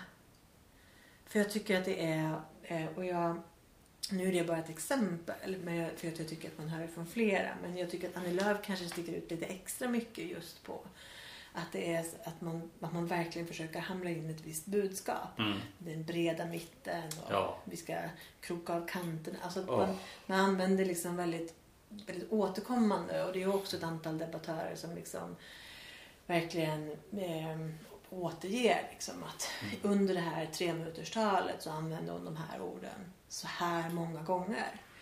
Eh, och då tänker jag att det är precis det. Man vill liksom komma in i, Ja. i tanken. Ja, man, man riktar tanken åt ett Ja. enda håll och så. Alltså jag undrar lite grann om det funkar. För att Ja. det är så enkelspårigt. Eh, Det är liksom samma ord som upprepas hela tiden. Mm. Eh, Och, och där, där jag- jag börjar fundera lite grann på om det kommer att bli någon slags retorikskifte här framöver. Nu är det jag som reagerar så jag, jag, vet, jag har faktiskt inte pratat med någon om det. Men jag såg den här senaste debatten mellan Johan Forsell och Morgan Johansson som var på Aktuellt. Ja, den såg faktiskt jag också. Eh, Och Morgan han gick körde igång den gamla retoriken att att Moderaterna när de ledde Mm. regeringen så bla bla bla bla. Och jag kände bara att jag blev så fullständigt uttröttad på att höra den typen av retorik. Den Mm. smuts, smuts eller pajkastningen kan vi kalla det. Eh, Och jag tänker liksom hur länge kommer den retoriken att hålla? För Ja. den har jag ju hört till leda i hur många år som helst. Och likadant eh, Annie Lööfs variant då. Alltså det, alla politiker håller på på det sättet. Just att Ja, man nej, det är ju in verkligen en enda ingenting, sak. det är ingenting unikt för de nam- namnen som vi nämnde. Nej, nej verkligen inte. Nej, absolut inte. Eh, Men jag kan också tycka, för att jag, jag upplever lite som du säger, att det känns lite, lite enfaldigt. Ja, gammalt. lite, ja, och lite så här... Eh, också så här, det är också så grunt. Mm. Att jag vill ha mer än så här. Mm. Jag vill bli lite mer övertygad liksom, Ja. om, om eh, vad har ni för plan? Liksom? Precis, precis. Vad är, vad är lösningarna? Inte bara att man drar just det här, nu ska vi rikta in er liksom. Nej, precis. Hit. Och där tyckte jag det var bra utav journalisten. För hon, eh, eh, vad ska man säga, hon, hon avbröt Mm. eh, Morgan där tyckte jag på ett ganska bryskt sätt. Men hon avbröt i alla fall. Ja. Liksom, så att, för att komma vidare i samtalet. Eh, jag tror nog att eh, journalisterna behöver hårdna, hårdna lite grann när det gäller just den biten. Och, Mm. Så vi får veta lite mer bakgrund. Och, Ja, och jag tror just att ställa fler följdfrågor. ja, och där tyckte jag att de gjorde mycket det. Jag kommer ihåg att de ställde mycket följdfrågor ehm, till, ehm, till Johan Forssell då, med, bland annat med just vad, vad tänker man sig för preventiva mm, metoder. Ehm, där de liksom gick på lite mycket. Och det, eller gick på flera gånger. Men jag tror ju liksom just att man, det behöver vara mer, Mm. fler följdfrågor. mm, Eh, när till exempel man, eh, och speciellt när, för, när, när politikerna kommer med ganska grova anklagelser. Eh, just nu är det väldigt så här, stora svepande grova drag där Mm. man liksom säger att ja, men vi riskerar demokratin. Mm. Att man säger okej, men på vilket sätt? Liksom? Mm. Vad, vad är det du ser? Vad är, du- vad är du, du orolig för? I vilka Mm. frågor liksom? Mm. Och, och vad är det du tänker? Mm. Ja. Ja, nej, men det är lite samma. Så här, jag, jag känner att man försöker hamra in ett budskap ja, med att sälja någonting. ja, men precis. precis. Ehm, För, för det är ju liksom som vi använder i, som coaching eh, exempel. Det är ju den här eh, rosa eh, elefanten. Att du ska absolut inte tänka på en rosa elefant. Och ju oftare jag upprepar rosa elefant så kommer du förmodligen att kunna visualisera det inombords. Och det är den, den principen helt enkelt. Eh, Att man till slut inte riktigt kan tänka eller vara medveten. Mm. Alltså är man medveten om vad en person gör då kan jag liksom tänka ifrån det. Men, men oftast är det inte så utan vi är ju liksom jag, är ju verkligen, jag lyssnar ju på dig, jag tar in dig hela tiden och då blir jag också lättare att påverka. Mm. Jag kommer ihåg faktiskt eh, på coachutbildningen som jag gick det, att de tog just Rosa elefanten som exempel och hamrade in den och det, det, alla kunde visualisera en rosa elefant. Mm. Så det, det är den principen. Ja, nej, för det, man får ju helt utgå ifrån att det finns ingenting som är ogenom... Där finns det inget ogenomtänkt. Nej, När de håller sina tal. Utan där har de vägt liksom alla orden med, med våg. Mm. Eh, och vilket i sig är ju då spännande ibland när man sitter och lyssnar och funderar på att det känns ja, Mm. lite torftigt kanske. Ja, men precis. precis. Vet du varför Annie Lööf har julgranen i badrummet? Den bajar hela tiden. Ja. Jag har tittat på, på ja det är Youtube och det, jag tittar rätt mycket på Youtube. Eh, På sådana här ordvitsar och sånt där. Eh, Och då är det något gäng där som heter New Play som håller på. Och de har gjort väldigt mycket just med Annie Lööf. Hon har ju en tacksam dialekt ju. Men de bjöd dit Annie Lööf också till Jaha. ett av programmen. Och det var faktiskt väldigt kul. Jaha. Så att eh, det, Ja, det, det kan man, det, det kan man roa sig med. Ja. Mm. Ja, ja, ja. Sen hade jag min nästa punkt på listan. Mm. Eh, och då handlar det om eh, lite, mm, lite entreprenörskap och läkare. Mhm. För att jag har eh, den senaste tiden sett, inte jättemånga exempel, men jag har två exempel Mm. på då läkare som startar eh, företag eller letar fram en ny produkt. Och det ena exemplet som, jag skulle säga så här, behöver man vara läkare? Är, är, lite av tesen är så här, är, är läkare ett säljargument för produkterna? Mm. Eh, och är det en produkt som, vi, som, som behövs? Mm. Så det ena exemplet då, det är ett företag och då är det två, två unga, ganska unga tjejer, eh, 30-årsåldern, som har tagit fram eh, parfym och deodorant för underlivet. Okej, jag har sett parfym för män för att attrahera kvinnor. Ja, nej, det här är ju för, det är framförallt för kvinnor Jaha, som, okej. som man har. Ja. Så man har olika... Ja, det är nog ingen läkare inblandad i den. Nej, men det här är riktigt- ena, ena, ena systern här är läkare och de har också liksom olika gynekologer, som, eller någon gynekolog som har haft med i det här samarbetet. De liksom. måste ju ha med en gynekolog. Ja, För det för låter det ju så. ja, men jag kan ju lite... Och, och det här är ju... De har varit lite uppmärksammade för de har även använt sig av... av eh, de har gjort reklam med Bianca Ingrosso bland annat som då influencer och försäljning. Ja. Eh, som har liksom varit, som har varit väldigt uppmärksammad och kritiserad och, och, och eh, eh, hyllad också i sina Mm. samband. För de har ju liksom ett, ett diverse antal olika produkter som då är eh, i underlivsregionen. Mm. Eh, dels med då, som deodoranter för skrevet eh, med doft av, av päron och, till exempel. Mm. Eh, jag känner mig så gammal när jag hör det här. För det känns så otroligt främmande att eh, använda den, den typen av produkt. Ja. Men sen säljer de också då, då har de tagit fram tamponger som ska liksom vara liksom lite eh, bättre underlivet. Och de har liksom olika som bomullstrosor och, och rakprodukter. Och lite, lite, lite blandat. Mm. Eh, men, men jag skulle säga att de trycker ju på just att det finns, här finns det läkare inblandade i det här. Så det, det skulle jag säga är liksom ett, det är ett säljargument Ja, som man det- använder och att man så här, vi har minsann utgått från, från kroppen och att Mm. eh, det här, det finns, det finns produkter som inte är anpassade för liksom det pH-värdet som är i underlivsregionen. Liksom. Mm. Eh, och, eh, och det har vi liksom tagit hänsyn till. Det är lyxprodukter ska jag säga. Det är, de, de är ju fyra, gånger, fyra eller fem gånger så dyra som, som sina konkurrenter Mm. på, på marknaden. Eh, och om du frågar mig så är det väl tveksamt liksom att de tillför så mycket värde. Nej. Mer än att man liksom får någonting som känns lite lyxigt. Mm. Eh, och i den här, den här tjejen som är läkare så har ju hon valt att, att eh, sluta som läkare för att jobba med det här företaget. Och då kan jag ju till och med tycka att det är lite, det är lite tråkigt i ett land där vi har lite läkarbrist. Även om det man väljer själv. Har hon då också gett upp på läkarlegitimationen? Det tror jag, det tror jag inte. Nej, jag bara tänkte lite, lite längre så. Ja, Så att det är ju liksom ett...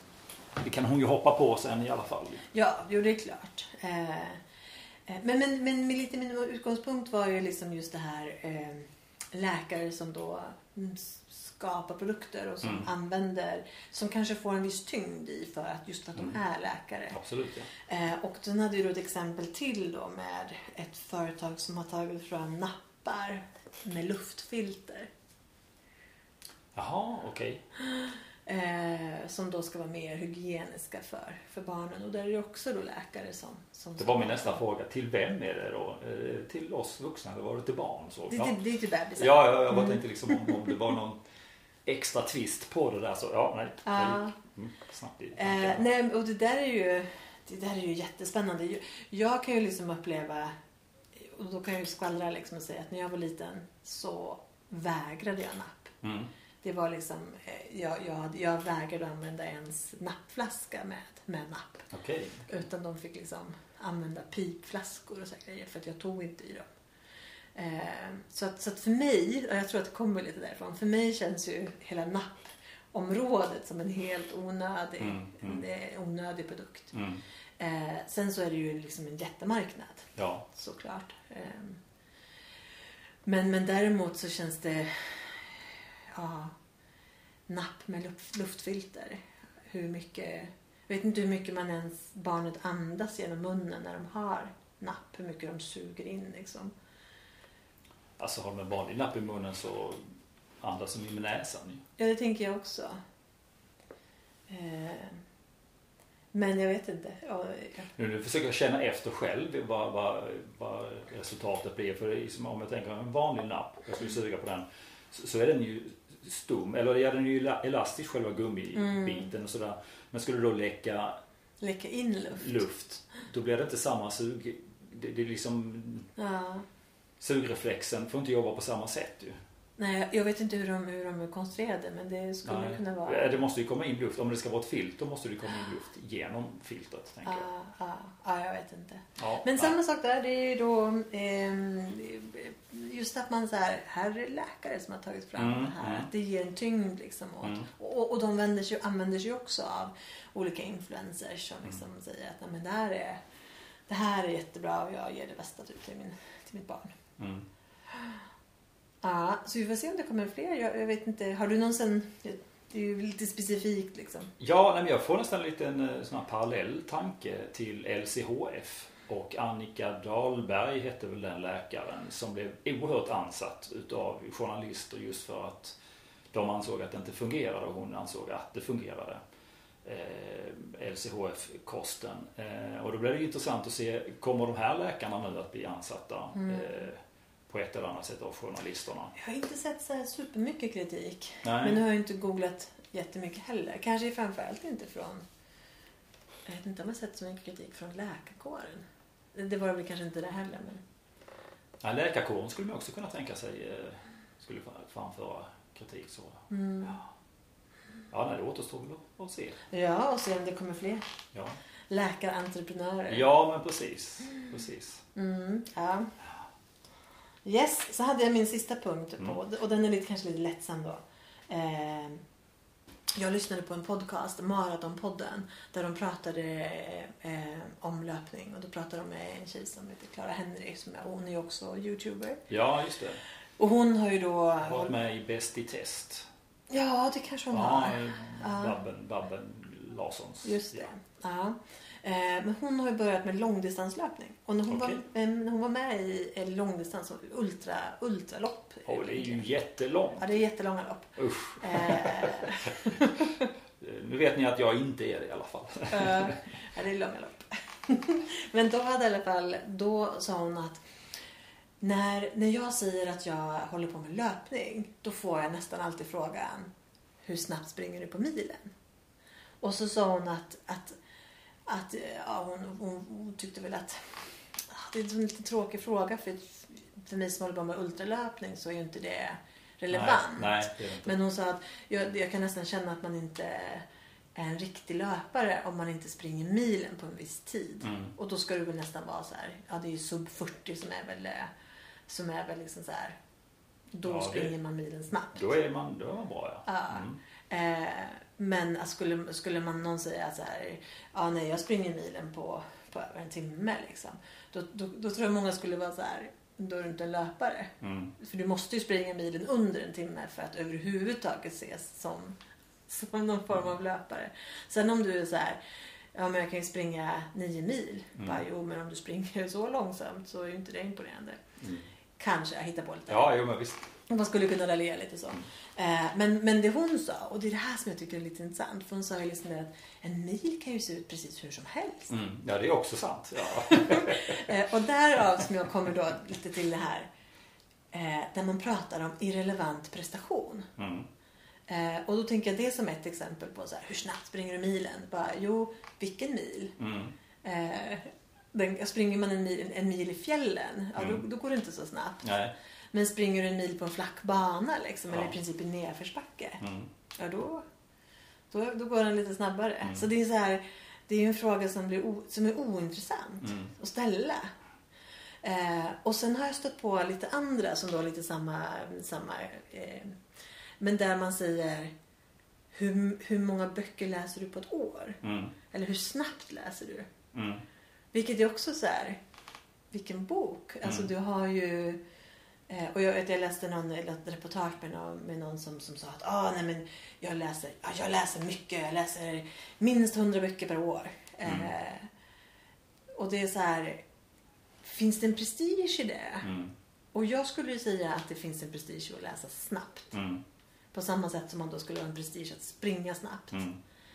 Eh, och själv kan jag ju känna att det är så ointressant. Eh, nu är jag ju inte någon... Jag skulle inte säga att jag är snabbläsare heller. Men, men eh, det beror ju så mycket på vad det är för bok. Mm. För att om man läser liksom bladvändare och ganska lättuggade böcker med ganska stor text. Mm. Jag menar, då kan du ju eh, läsa snabbt. Mm. Jag vet att jag läste en bok med eller, en- en- Mikael Dahlén som Mm. är ekonomiprofessor. Mm. Han eh, kommenterade, han skrev nog i en, i en bok tror jag, jag kommer inte ihåg vilken. Men han, då skrev han att, att när han reser, när han flyger, då brukar han köpa två böcker. Så han köper en eh, deckare och en roman. Mm. Och sen så läser han, för han sa att de flesta böcker hinner man läsa på en flygresa. Mm. Det skulle jag säga att det beror på vad man väljer för bok. Mm. Ja, ja jag, jag är inte snabbläsare. Det beror också på hur lång flygresan Ja, ja det är exakt, exakt. Men, Ja, men, ett par varv runt jorden så ja, absolut. ja. men, men jag tänker, en deckare Mm. kan man nog läsa på, på tre, fyra timmar. Mm. Eh, och, han sa att dess, och han sa dessutom, för hans poäng var liksom just skillnaden mellan att vara en deckare och en roman. Där en deckare sa han, det, den har ju liksom oftast en viss det finns ett visst recept, en viss mall. Det är, så här, det är någon som blir mördad, man går igenom lite Mm. händelser. Det är en till som blir mördad och sen så är det någon lite trulig liksom, eh, konstapel eller liksom Mm. kriminal, kriminalare. Som har något problem själv också. Ja, och sen finns det någon liten twist. Mm. Eh, och sen så är det så här. Men det, det, det, kommer liksom inte, det kommer inte helt plötsligt bli eh, liksom en, en dyka över någonting helt annat. Men han sa till, till en roman så kan det ju vara så här, en roman kan ju börja som en kärlekshistoria. Mm. Och sen helt plötsligt så blir det liksom, kommer det zombiesar. Och så blir det science fiction. Eller, Mm, alltså det kan, mm. den kan ju ta vägen precis vart som helst. Mm. Eh, och då var väl lite tesen så här. Hur är ditt liv? Är du en deckare eller det en roman? Som, Mm. Vad tillåter du dig? Eh, han gjorde ju naturligtvis mycket bättre resonemang till det, kring det. Mm. Men, men det jag tänker i alla fall, därför han sa var just att jag köper två böcker. En deckare som jag läser på väg till konferensen. Och eh, då kan jag liksom så skippa någon sida och liksom eh, för att det är det här formatet. Jag kommer liksom kunna hänga med. Så jag Mm. kan dra på lite, jag kan snabbläsa. Mm. Eh, men när jag åker hem och läser den här romanen då brukar jag liksom få jag brukar få läsa den liksom i taxin på vägen hem. Jag kanske till och med får sitta ute liksom på farstun och läsa de sista sidorna för att Mm, hinna mm. igenom den. Ehm, men då, då är man ju... Det, det är ju snabbläsning. Mm. Och så lyssnade jag på en intervju med Dan Korn. Mm. Jag har ju nämnt Dan Korn. Ja, jag känner igen det. Han är rabbin och eh, folklivsforskare och har skrivit, lite, allt- har skrivit massor av böcker. Mm. Eh, och han är dessutom västgöte. Okej. Vilket han är, han är ju otroligt intresserad av, av eh, västgötarna och den historien och människorna som bor i de områdena och sådär. Mm.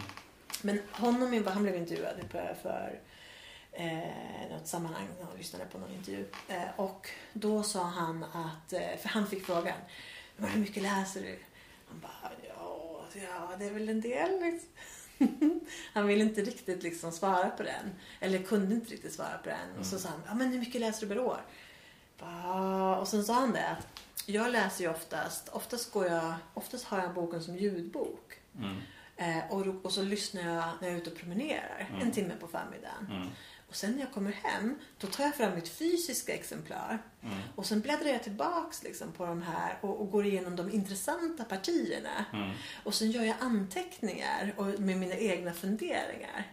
Det vill säga, han läser inte böcker, han studerar ju. Ja. Eh, och jag menar, då är det ju någonting... Det där var ju tips till mig faktiskt. Ja. Jag håller ju på med Alexander Bard och eh, Janne Sö- Sö- Södergren eller vad det nu var. han Mm. Ibland så tror jag, jag tänker det att om jag träffar eh, Alexander Bard någon gång eller Janne så ska jag faktiskt ta och fråga dem om de tävlar, för de skriver ju böckerna tillsammans, Mm. om de tävlar med att komma på den mest komplexa meningen. För det är så mycket referenser i Ah. böckerna. Så det, det är något helt otroligt. Det är väldigt roligt. Ibland sitter jag och bara och skrattar. Mm. Men då lyssnar jag ju mycket och jag har faktiskt, jag ser bokhyllan här att jag har dem dessutom i fysisk form. Mm. Så att det, så skulle jag ju kunna göra. Mm. Det är ganska ofta att jag gör så. Jag läser ju mycket filosofi och psykologi. Eller mycket kan jag inte säga men Ja, men när där har du det- igen så här, Ja, att man men- lägger liksom en... Ja, Ja men precis. lägger en Eh, liten laddning. Men jag kommer inte så långt i dem heller. Eh, för- det är så mycket tankar som Ja. kommer till med det. Ibland blir det bara ett stycke och då kan jag filosofera vidare på det.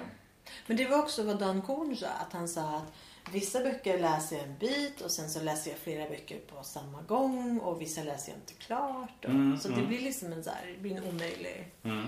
fråga. Medan jag tänker ju, som jag nämnde innan, att jag läser eh, läste en bok nu senast som, av Judy Picoult som är en, en amerikansk författare.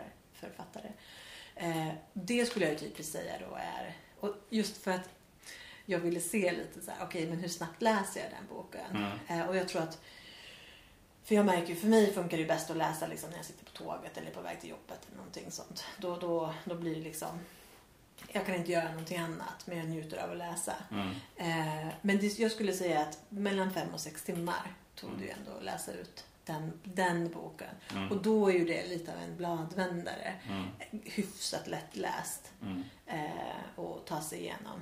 Och, jag, eh, och sen så jämför man det när man läser någonting annat. När man till exempel läser lite mer facklitteratur.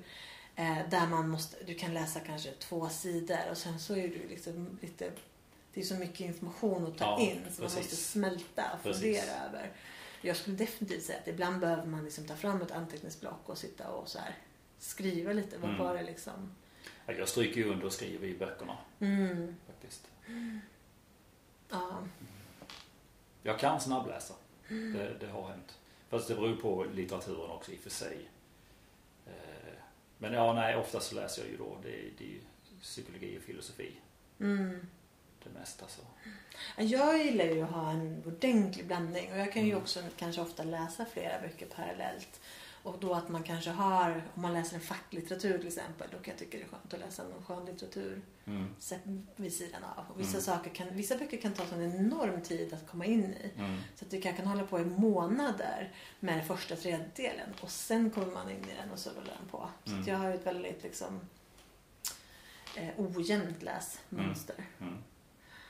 Men, men jag tycker att det är kul just med den här när man, man, man söker någon form av prestation där den är helt irrelevant. Mm. Eh, och de pratade om i podden just så här, vad svarar man liksom? Mm. När någon säger så här, vad springer du på milen? Mm. Om man tycker att ah, den här frågan intresserar inte mig. Eh, men jag tror liksom att just det att man säger så här, vilken mil, vilken bok. Ja, ja. Jag kommer ihåg, jag har ju sprungit eh, Stockholm halvmara och då var mitt mål att bara klara det. Och då hade man 3 timmar och 45 minuter på sig. Jag klarade det på 3 timmar och 43 minuter och jag tror det var 48 sekunder. Och så berättade jag det för någon kollega och tyckte att ja, men jag var jätteglad och stolt över det. Och då fick jag till svar ja men det var väl inte bra? Nej. Ja men jag klarade ju det. det liksom. Ja. Så eh, ja, vi har lite olika sätt att se det. Och eh, för honom var det ju viktigt då, och han sprang ju själv ju. Just att, att en, en mil, den, skulle ju gå snabbt. Det, så var det ju. Mm. Det där är kul. Jag ju också, Ja. just, när jag skulle springa halvmaraton, eller Stockholm halvmaraton. Mm. Då var det, var det, och då var det också så här inför loppet när, när man småpratade lite på fikarester och sådär. Mm. Och så nämnde, nämnde jag det.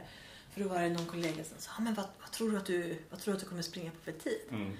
Och då sa jag att ja, jag tror att jag kommer springa på runt den här tiden som Mm. jag uppgav. Och då var han lite så här, ja, du kan säkert, du kommer säkert att springa en typ 10 minuter snabbare. Och då sa jag, nej. Jag är ju ganska liksom, jag hade, då, då löptränade jag ju ändå en del Mm. inför det här loppet. Mm. Så jag var så här, det, det här är ju den takten jag springer i Mm. när jag springer den längden. Ja. Så jag kommer ju inte, det är ju plus minus en minut Mm. snarare. Jag kommer ju inte liksom upptäcka att jag har någon racerkraft liksom. Nej. Mitt under loppet och bara da Eh, Men det är så roligt också för då vill man liksom Ja, det är återigen lite med prestation att det ska vara, det ska vara snabbt. Mm. Men, men hur, hur gick det då? Eh, Vad, Ja, alltså det blev ungefär den tiden du hade. Ja, ja, det blev den tiden jag tänkte. Ja, jag tänkte där med att, att plötsligt så kommer ingen racerfart. För faktum var att jag upp, upptäckte liksom, eh, det var ingen racerfart så, men att man fick ju stöd. Ah. Alltså det var ju en folkfest eh, att hålla på. Så hade de ju Mm. lite popband lite här och där som stöttade upp och spelade glad musik när man sprang där. Så att man fick ju energi utav det, det också faktiskt. Ja, jag älskar det att var springa ju lopp. jätteroligt. Jag tycker det är jätteroligt att springa lopp. Eh, och det är ju verkligen att eh, det, det spelar ingen roll hur fort det går. Nej, Utan nej det det man, kan, man kan springa loppet för att njuta av, Ja. njuta av stämningen. Ja. Jag tycker också att det är så mycket det är trevliga funktionärer Mm. och det står barn som man kör liksom high five Mm. och, och liksom det är och sen så har de så här åh nu kommer man till en vätskadepå och så ja men den här sportdrycken var god och så här serverar de lite banan. Ja men precis. Så det är liksom Precis. en, ja, jag tycker att det är en sån trevlig Ja, upplevelse. det, jag tyckte det var helt fantastiskt. Men det var en sak jag missade. Tejpa bröstvårtorna. Aj, aj, aj. Mm. Ja, så att det blödde från dem och sen när jag duschade så sved det som bara den. Ja, det där är ju en klassiker. Ja, precis. Och Ja. Jag tänkte jag hade, jag hade övat så länge och så långt också. Jag, jag övade upp till 15 kilometer för jag tänkte de sista de kan jag göra ändå. Eh, Men, men det var där det skedde. Så det Aha, så du riktigt. var... Mm. Så att, Ja, jag har ju funderat på det. Jag, jag kan ju lite tycka att eh, eh, sport-bh för män inte skulle vara helt liksom... Ja, när du säger det så. För, för, för då har man ju, utan att vara anklagande mot någon specifik, Nej. men, men jag tänker att med en sport-bh, för, för kvinnor klagar ju aldrig över, över det och de borde Nej. ju vara mer utsatta. Ja, ja, men det tänker man ju. Men, men det är ju för att man har en sport-bh. Så Mm. mm. sport sitter åt och sen så gnider det ju mot tyget istället. Ja, Eh, Men jag tänker ju att det är ganska, ja, det är ju ganska många män som, som har lite bagage, eller lite packning fram. ja det är ju lite Som man så för skulle kunna, och som man faktiskt inte, som skulle vara skönt att inte rörde sig lite. Ja, precis. Men det är ju en sån sak som, det finns ju något sånt gammalt Seinfeld-avsnitt. När de tar Okej. fram en, en bh för män. Jaha, okej. Ah. Ja, den har jag nog missat. Det ja, ja. Men det, jag tänker mig att det är, det känns ju så, det känns ju lite tabu. ja, det gör det ju. Men, och jag vet att jag sa det till någon, till någon kollega någon gång när han sa ah, nej, men man måste ju liksom tejpa, tejpa bröstvårtan. Men ska du inte bara köra en sport-bh? Ja, det var inte helt uppskattat. men när man är mellanbarn så kan man inte låta bli att retas. Nej, men precis. Ja, men det är bra. Måste ju reta kollegorna lite. Ja, ja Absolut. lite grann. Ja, det var sista punkten på min lista. Ja, ja, mm, precis. lite sommar, sommartankar. Ja, men precis. Eh, Jag hade ju en, en jättestor tanke eh, men den kom lite på skam kan man säga. Eller skam gjorde det inte egentligen. Jag råkade nämligen prata med en, en eh, kompis här som vi alla känner till, nämligen Jonas. som var med i program 31. Och eh, när jag berättade för honom vad jag skulle prata om så gick han igång på alla cylindrar. Eh, så att då tänkte jag som så här och han sa det att han, han gärna komma och prata. Så tänkte jag att ja, men då väntar jag med det ämnet tills han kommer så får vi någonting att prata om och knyta an till lite olika program faktiskt som, som du också har varit inne på. Ja, det tror jag blir kul. Så jag tänkte att eh, det blir en liten cliffhanger. Jag kan säga så mycket som att det handlar om människans mindset och hurdant den funkar och kopplad till olika kulturer. Så. Eh, Men jag tänkte prata om någonting i alla fall och eh, jag har ju en mängd med böcker i i bokhyllan och eh, jag plockade fram en bok som heter Vägval 366 dagar. Eh, Och, eh, Ja, jag har suttit och kikat lite på den. ja, du har gjort det ja. ja Mm, precis. Nu när jag suttit här. Det ser nästan lite, lite religiös ut, så här, boken. Men det är i alla fall om non- non-violent communication. Som handlar om känslornas koppling till våra behov och hur samtal kan se ut. Eh, Och då tänkte jag faktiskt ta och läsa just dagens eh, lilla berättelse. Så det är en, nu får du nästan säga upplägget för. Ja, men eh, 366, det syftar alltså på årets dagar. Eh, Och då finns det en liten berättelse, nästan lite som en saga, men någonting man kan lära sig utav det för varje dag.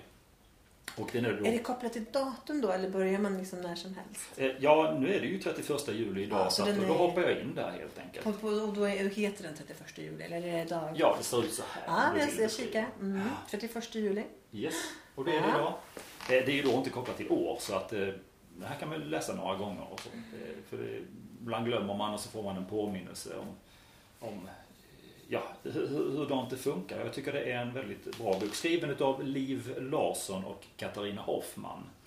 Som jag skulle säga är två storheter inom non-violent communication community här i Sverige i alla fall. Eh, Liv Larsson har skrivit en mängd med böcker om det och eh, jag, är oerhört tacksam över att jag får stöta på just den modellen och så. Nu handlar inte det här egentligen om att det ska vara non-violent communication eller just den här ordningen eh, som jag kanske har nämnt någon gång. Observation, känsla, behov och önskemål. Och hurdant de, är kopplade till varandra. Utan det här handlar ju bara om att få medmänsklig kontakt helt enkelt. Och det här är liksom ett sätt att göra det på. Jag tycker om mig själv har varit handikappad just när det gäller kommunikationen med andra människor. Så jag har behövt ha den här metoden för att få bättre kontakt, för att förstå mig själv och för att sen också kunna släppa själva metodiken. Eller att, ja, att det blir en naturlig del utav mig. Sen är det då människor som kan det här per automatik för de har fått det med sig sedan barnsben. Helt Och en del är födda. Ja, Ah, Precis. Det för det är ju väldigt spännande. ja precis. Så det, är- det, det, det. det är väldigt, väldigt olika och så. Jag har behövt ha den här hjälpen så att det är jag glad över att jag har hittat. Så, så att eh, då, då tar jag och börjar lite grann här då, där det står på vänstersidan. Tänk om. Tänk på något du tycker att man inte kan acceptera. Vilka av dina behov är inte tillgodosedda i den situationen? Och här tar vi då ett exempel med, med, som finns med. Och då läser jag. Hur har du det med Linda? Ja, det är slut. Vadå slut? Ja, jag gjorde slut. Hon var otrogen. Jaha, hur känns det då? Det är jobbigt. Jag saknar henne jättemycket. Men det var du som gjorde slut. Ja, vi kan inte vara tillsammans när hon har varit med en annan. Hon måste lära sig att på det här sättet gör man bara inte. Jag går i alla fall inte med på att bli behandlad på det sättet. Det måste du väl ändå förstå. Eh, men du är villig att lida? Ja, precis. Vi pratade länge. Till en början fick jag hålla tillbaka alla råd som jag ville ge den unge mannen som satt framför mig. Jag ville bidra till honom och tänka att situationen var onödigt smärtsam. Det var väl ändå inte nödvändigt att... Sedan tog jag ett långsamt... Eh, tog jag långsamt in hur viktigt det var för honom med integritet. Att handla i enlighet med det han värderade. I just det ögonblicket, hur uppslitande situationen än var, var det faktiskt viktigt för honom att bevara någon slags självrespekt än att uppleva kärlek. När vi hade pratat ett tag och jag hade lyckats förmå mig att släppa mitt fixagerande grät vi båda över hur situationen kan vara. Att hitta balansen mellan behov och kärlek och behovet av respekt. Det sista han sa innan vi skildes åt var ett försiktigt hoppfullt Jag ska nog Jag ska nog ringa henne ikväll så får vi se. Jaha. Ja. Det här är så, måste jag bara säga så här. För Niklas är lite rörd. Ja, jag blir lite rörd när jag läser. Jag tänkte, bli nu inte rörd Niklas. Och så tog jag till mig mitt lilla knep också för att Ja. inte bli rörd. Såg du vad jag gjorde? Nej, du tittade upp? Jag tittar upp, ja precis. Eh, och det använder man inom, det, kommer liksom från neurolingvistisk programmering om hur vi tänker. Att när vi tittar ner, jag läser ju bok, jag tittar ner och då kommer jag också ner i ett känslosamt läge. Tittar jag upp, då är jag inte i känslosamt läge. Och det är liksom ett tips om man nu råkar liksom bli rörd och, och gråta och där man inte vill det. Titta upp och det funkar faktiskt. Men eh, ja, jag hade läst det innan det, dessutom så att jag var liksom lite beredd på det. jag kände att jag blev lite upprörd istället. Du blir upprörd, ja. Jag tänkte, ja. ska han ringa henne? Vad ska det vara bra för? Ja, Man har ju precis gått vidare. ja, ja, ja. Ja. Eh, men, men, men och, för mig då så, så handlar det här om just empati. Att bara sitta ner och ja, lyssna på en människa. Det kan också vara liksom empati. Att den människan får prata av sig. Eh, bli av med liksom aggressioner eller den här bristen på respekten som, som nu då var själva behovet här eh, för honom. Så att det, det är lite så, så kan empati vara. Så kan upprepa den här frågan som fanns här tidigare då. Tänk på något du tycker att man inte kan acceptera. Vilka av dina behov är inte tillgodosedda i denna situationen? Och i det här fallet då, den här berättelsen, så var det ju då respekten. Självrespekt och respekt. Och hur vi låter vissa saker komma, ja, att man, man hellre väljer att göra slut för att markera den här respekten och lider. Man kanske kan göra på något annat sätt också. Så att det, det, var, det var lilla berättelsen. Det. ja, intressant. Ja, det är det. Och det hela boken är full av sådana här berättelser på, på lite olika sätt som be, be, bemöter empati på lite olika sätt. Och jag tycker den är väldigt bra just för att, att påminna sig själv eller att få ny in, nya insikter till just vad empati kan vara för någonting. och Hur samtal kan fungera. Mm. Så det var det jag, det li- lilla, det, det, lilla jag tänkte ta. Ja, jag sitter och reflekterar lite. ja, ja. Mm. Jag, det det, jag tycker att det är just att det väckte sån frustration hos mig. Mm. Jag tror att vi, men däremot så, så uppskattade jag också just det här att man stannar upp och eh, så här, nu, nu är det inte, det inte mig det handlar om utan det här är den här personens, Mm. eh, hur den personen ser på det och vad, vad, den behöver Mm. och eh, eh, vad som är viktigt. Mm. Och det kan jag nog också förresten tillägga sådär just att de använder ordet otrohet i det här sammanhanget. Eh, betraktar vi inom NVC då som en slags bedömning utav en situation. Så att skulle vi sitta i medlingssammanhang så skulle vi översätta otrohet med att två personer har sex med varandra. Skulle vi göra som en översättning eh, för att göra en observation utav det. Där eh, otrogen är en bedömning. Så att, säga. så att vi skiljer de två Mm, mm. sakerna åt. Ja, det kan ju ligga mycket i det. I den. Det, det kan det. det, kan det. Mm. Ja. ja, det är intressant. Mm. Vi får väl kan passa på. Det finns ju faktiskt eh, ett par poddavsnitt där du har du pratar lite, lite mer eh, på djupet när det gäller MVC. Ja, jag tror det i alla fall. Ja. Jo. Och det finns så mycket att säga om det så det är knappt jag vet vad jag ska säga ens en gång. Så det kan man, gå- man kan gå tillbaka och lyssna. Ja, men precis. Lyssna lite där. Det kan man göra. Mm. Botanisera i. Mhm. Ska vi Mm. runda av där idag? Ja, men det kan väl vara läge för det. Ja. Ja. Vad kul Och så tackar att du kört idag. Ja, jätteroligt. Nu tycker jag att vi ser fram emot en, en eh, ja, man vågar nästan inte säga, men en, men en, en höst. Ja, Men en eh, sensommar, för, förhöst ja, och mycket poddande. yes. Så tack så jättemycket. Tack för idag.